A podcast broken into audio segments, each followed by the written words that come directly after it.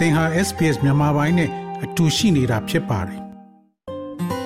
SBS မြန်မာပိုင်းကို အင်ကာနဲ့စနေနေ့ည10:00နာရီမှနားဆင်နိုင်တယ်လို့အွန်လိုင်းကနေလည်းအချိန်မီနားဆင်နိုင်ပါပြီ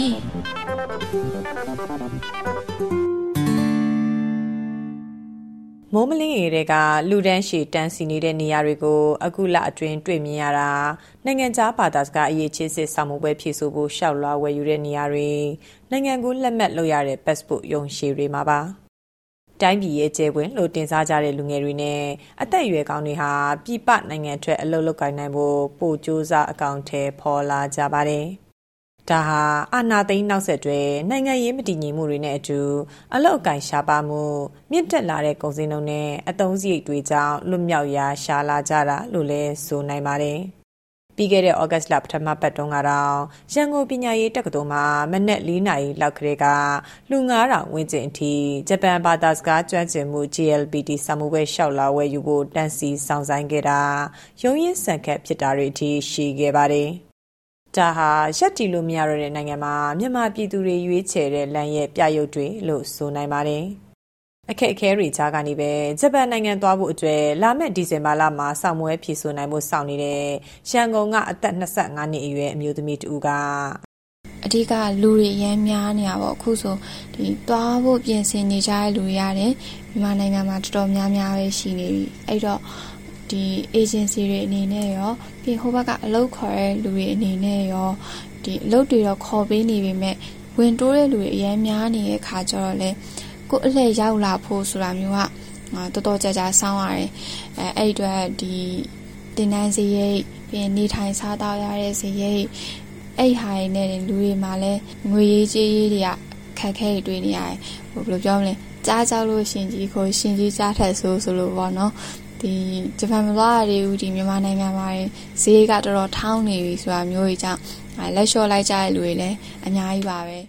စစ်တပ်ကအာဏာသိမ်းပြီးနောက်ပိုင်းပြည်ပထွက်အလုပ်လုပ်နိုင်မဲ့အခွင့်အရေးတွေဟာကတ်တက်မှုတွေကြားမှာအချိန်တော်ကြာရပ်ဆိုင်းခဲ့ပါတယ်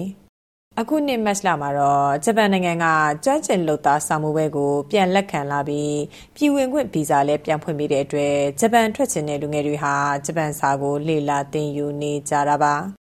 မြန်မာအလုပ်သမားတွေဂျပန်သွားအလုပ်လုပ်တဲ့အခါလောက်ခလာစာအနေနဲ့တနာရီကိုကျပ်13500နဲ့ညီမျှတဲ့ဂျပန်ယန်900ရရှိပါတယ်။ပြင်းမြအဖြစ်တစ်လကို330ကျော်ရရှိတာပါ။ဒါကြောင့်မြန်မာနိုင်ငံမှာတစ်လအခြေခံလောက်ခ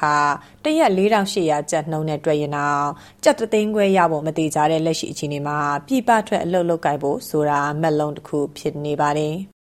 တစ်ဖက်မှာလည်းနိုင်ငံရေးမတည်ငြိမ်မှုနဲ့အတူစစ်ကောင်စီရဲ့လူငယ်တွေကိုပြစ်မှတ်ထားဖမ်းဆီးမှုတွေကြောင့်ဘဝအာမခံချက်မရှိတော့တဲ့အခြေအနေကပြည်တွင်းကိုစွန့်ခွာဖို့တွန်းအားတွေဖြစ်လာစေတာပါနိုင်ငံကိုစွန့်ခွာတဲ့အခြေအနေနဲ့ပတ်သက်ပြီးနိုင်ငံရေးလေလာသုံးသပ်သူဦးတန်းစုနိုင်ကအခုလိုပြောပါတယ်ဗမာပြည်အထွေထွေပြိုကွဲမှုကြီးဖြစ်တော့မယ်အနေထားနော်သတိလင်္ကာတို့လိုဖြစ်တော့မယ်အနေထားဆိုရဟာဆက်လက်ပြီးတော့ တိုင်းပြည်ကိုတာဝန်ယူနိုင်တဲ့အခြေအနေမရှိတော့ဘူးဆိုတဲ့စိုးရိမ်စိတ်တွေတိုးပွားလာနေတဲ့အထွေထွေအခြေအနေအောက်မှာစိုးရိမ်စိတ်နဲ့ထွက်ပြေးတဲ့လူတွေကများတယ်အတိုင်းတာအနေနဲ့ပြောရလို့ရှင်တော့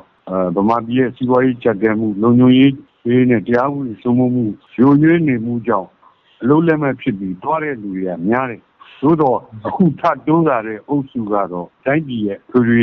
ပြိုကွဲတော့မယ်ဘေးရန်တွေကိုမြင်ပြီးတော့ ထွက်ခွာဖို့အတွက်ပြင်ဆင်လှုပ်ရှားနေတဲ့လှုပ်ရှားမှုသာဖြစ်တယ်လို့ကျွန်တော်ပြောချင်တာပါ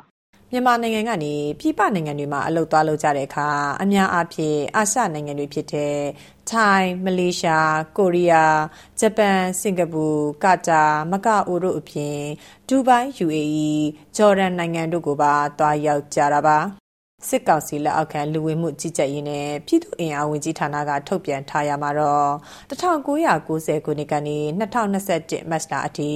အလုံသမား1.3တန်းကျော်ပြည်ပနိုင်ငံတွေစီဆေလွတ်ခဲ့တယ်လို့ဆိုပါတယ်။ဒါဟာတရားဝင်နိုင်ငံသဘောတူညီမှုနဲ့တွားရောက်တဲ့စီးရင်သာဖြစ်ပြီးတရားဝင်ရောတရားမဝင်မှာကိုယ်သဘောနဲ့ကိုပြည်ပထွက်လုပ်ကိုင်သူအရေးအတွက်မပါဝင်ပါဘူး။ စစ်တပ်အာဏာသိမ်းပြီးနောက်မှာတော့အောက်ခြေလုပ်သားအဆင့်ကနေပညာရှင်တွေအထိပြည်ပထွက်အလုပ်လုပ်ကိုင်တာတွေအပြင်အလုပ်စာချုပ်တက်တန်းပြေတာတောင်နိုင်ငံကိုပြန်မလာတော့တာ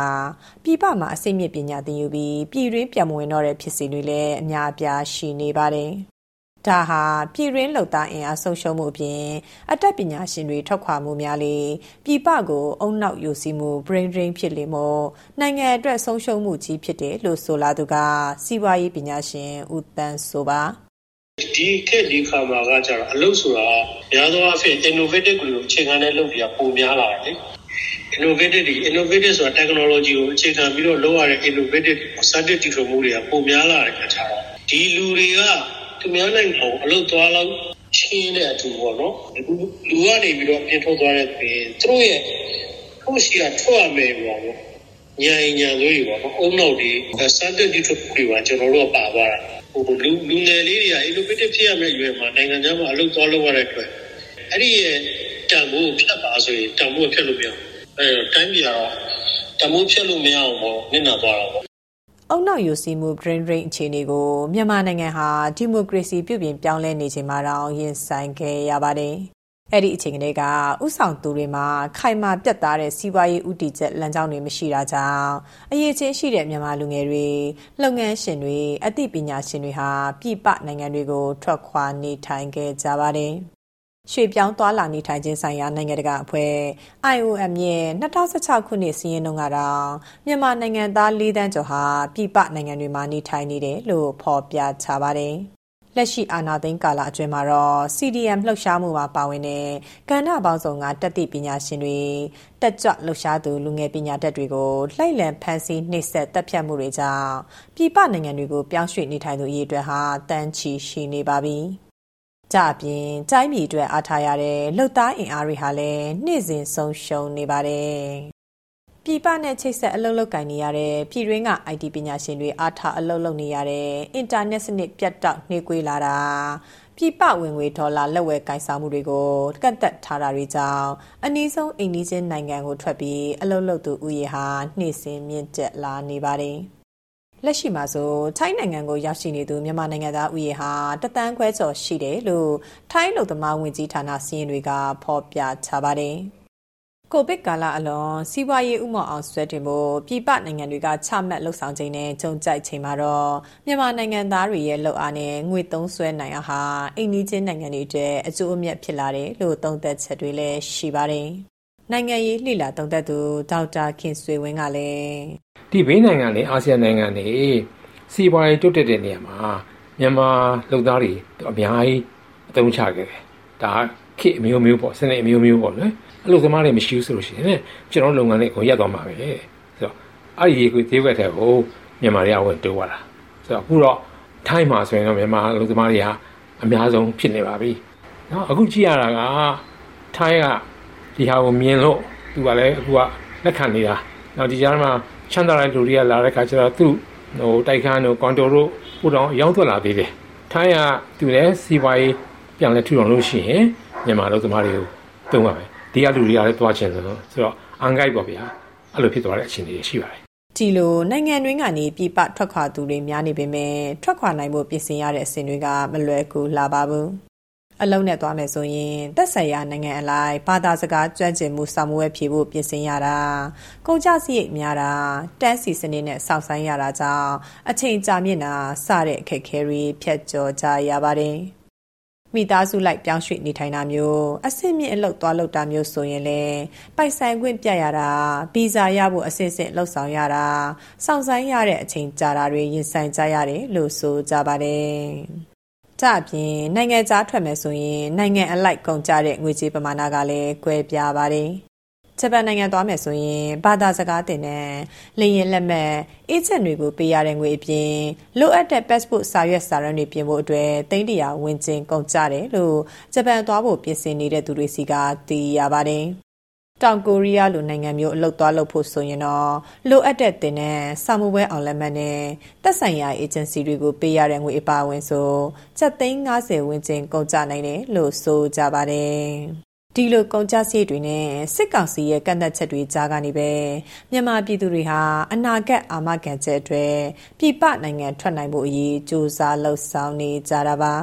အဲ့ဒီထဲမှာကြောင်ကိုရီးယားနိုင်ငံသွားဖို့စောက်လို့ရေးလုပ်ငန်းနဲ့ရှောက်လာတင်ဖြည့်ဆို့ထားတဲ့ဂျော်လော်ဂျီနဲ့ကြောင်းပြီးထားသူအသက်20ဝန်းကျင်ကိုမျိုးလဲအပါဝင်ပါဖြစ်နိုင်တော့ဘယ်သူမှတော့ကျွန်တော်တို့ကိုနိုင်ငံကိုမိသားစုခွဲပြီးတော့ဘယ်သူမှလှုပ်ချင်မှာမဟုတ်အခုတော့နိုင်ငံရေးရလည်းလို့ဖြစ်ကိုဗစ်တွေဖြစ်တော့ကျွန်တော်တို့နိုင်ငံအခုရမ်းချင်နေဆိုရအဲ့တော့ကျွန်တော်တို့ဒီနိုင်ငံသားကိုတွားလုပ်ဖို့အတွက်ကျွန်တော်တို့ဒီလူငယ်တွေရောအကုန်လုံးကပို့ပြီးတော့မှတွန်းအားဖြစ် သွားတဲ့ပုံစံတက်ရောက်သွားတာပေါ့အဲဒီမှာနေရင်တော့ဘလို့မှမဖြစ်တော့ဘူးဒီမှာလှုပ်လို့ရတော့ဘာမှမကြံဘူးဆိုတာမျိုးတွေအတွေ့အကြုံအကုန်လုံးကဒါအကုန်လုံးသွားမဲ့သူတွေဆိုလဲဒါကိုယ့်ရဲ့ပိုင်ဆိုင်တဲ့ပေါင်နှံရောင်းချပြီးတော့အကုန်လုံးဒါသွားကြတာပဲဒီမှာအကုန်လုံးကဘာမှလှုပ်လို့ကအဆင်မပြေဘူးလေဒီမှာနေလဲရှင်လေးရနဲ့တချို့ဆိုတာတည်နေရတာပဲလေ အခြေခံလောက်သားကစားလို့ပညာရှင်တွေအထိပါဆုံးရှုံးနေရတဲ့အာနာသိန်းကရဲ့ကြားကမြန်မာနိုင်ငံရဲ့အနာဂတ်ဟာပြည်သူတွေမှန်းမြော်မတွေ့ဝင်တဲ့အနေအထားတစ်ခုဖြစ်နေတာပါလူဆွမ်းအားအရင်မြစ်ရော်ပါလာရင်ဒီလိုသာရှေ့ဆက်သွားမယ်ဆိုရင်အခွန်တာတာကြံတော့မဲ့တိုင်းပြည်ဖြစ်လာမှာကိုလည်းပြည်သူတွေစိုးရိမ်နေကြပါတယ် တစ်ဖက်မှာတော့ဆုတ်ယုတ်လာတဲ့စီးပွားရေးနှုန်းအတွင်းပြည်ရင်းမှာကျန်ခဲ့တဲ့မိသားစုဝင်တွေငတ်မွတ်ခေါင်းပါမှုတန်းတဲ့အတူမနစ်မြုပ်အောင်ပြည်ပထွက်အလုပ်လုပ်ပြန်ထောက်ပံ့နိုင်ဖို့ဆိုတာဟာတခုတည်းသောလွတ်မြောက်လန်းသာဖြစ်လို့နေပါတယ်ဒီသတင်းဆောင်မကိုတန်လင်ခက်ကပေးပို့ထားတာဖြစ်ပါတယ် sbs.com.au/bemis ကို home နေရာမှာထားပြီးတော့အမြဲတမ်းနှာစင်နိုင်ပါတယ်။ နောက်ဆုံးရသတင်းတွေ၊စောင်းမားတွေနဲ့စစ်တမ်းတွေမှာပါဝင်ပြီးတော့ဆက်သွယ်မှုလုပ်နိုင်ပါတယ်။ sbs.com.au/bemis ဖြစ်ပါတယ်ရှင်။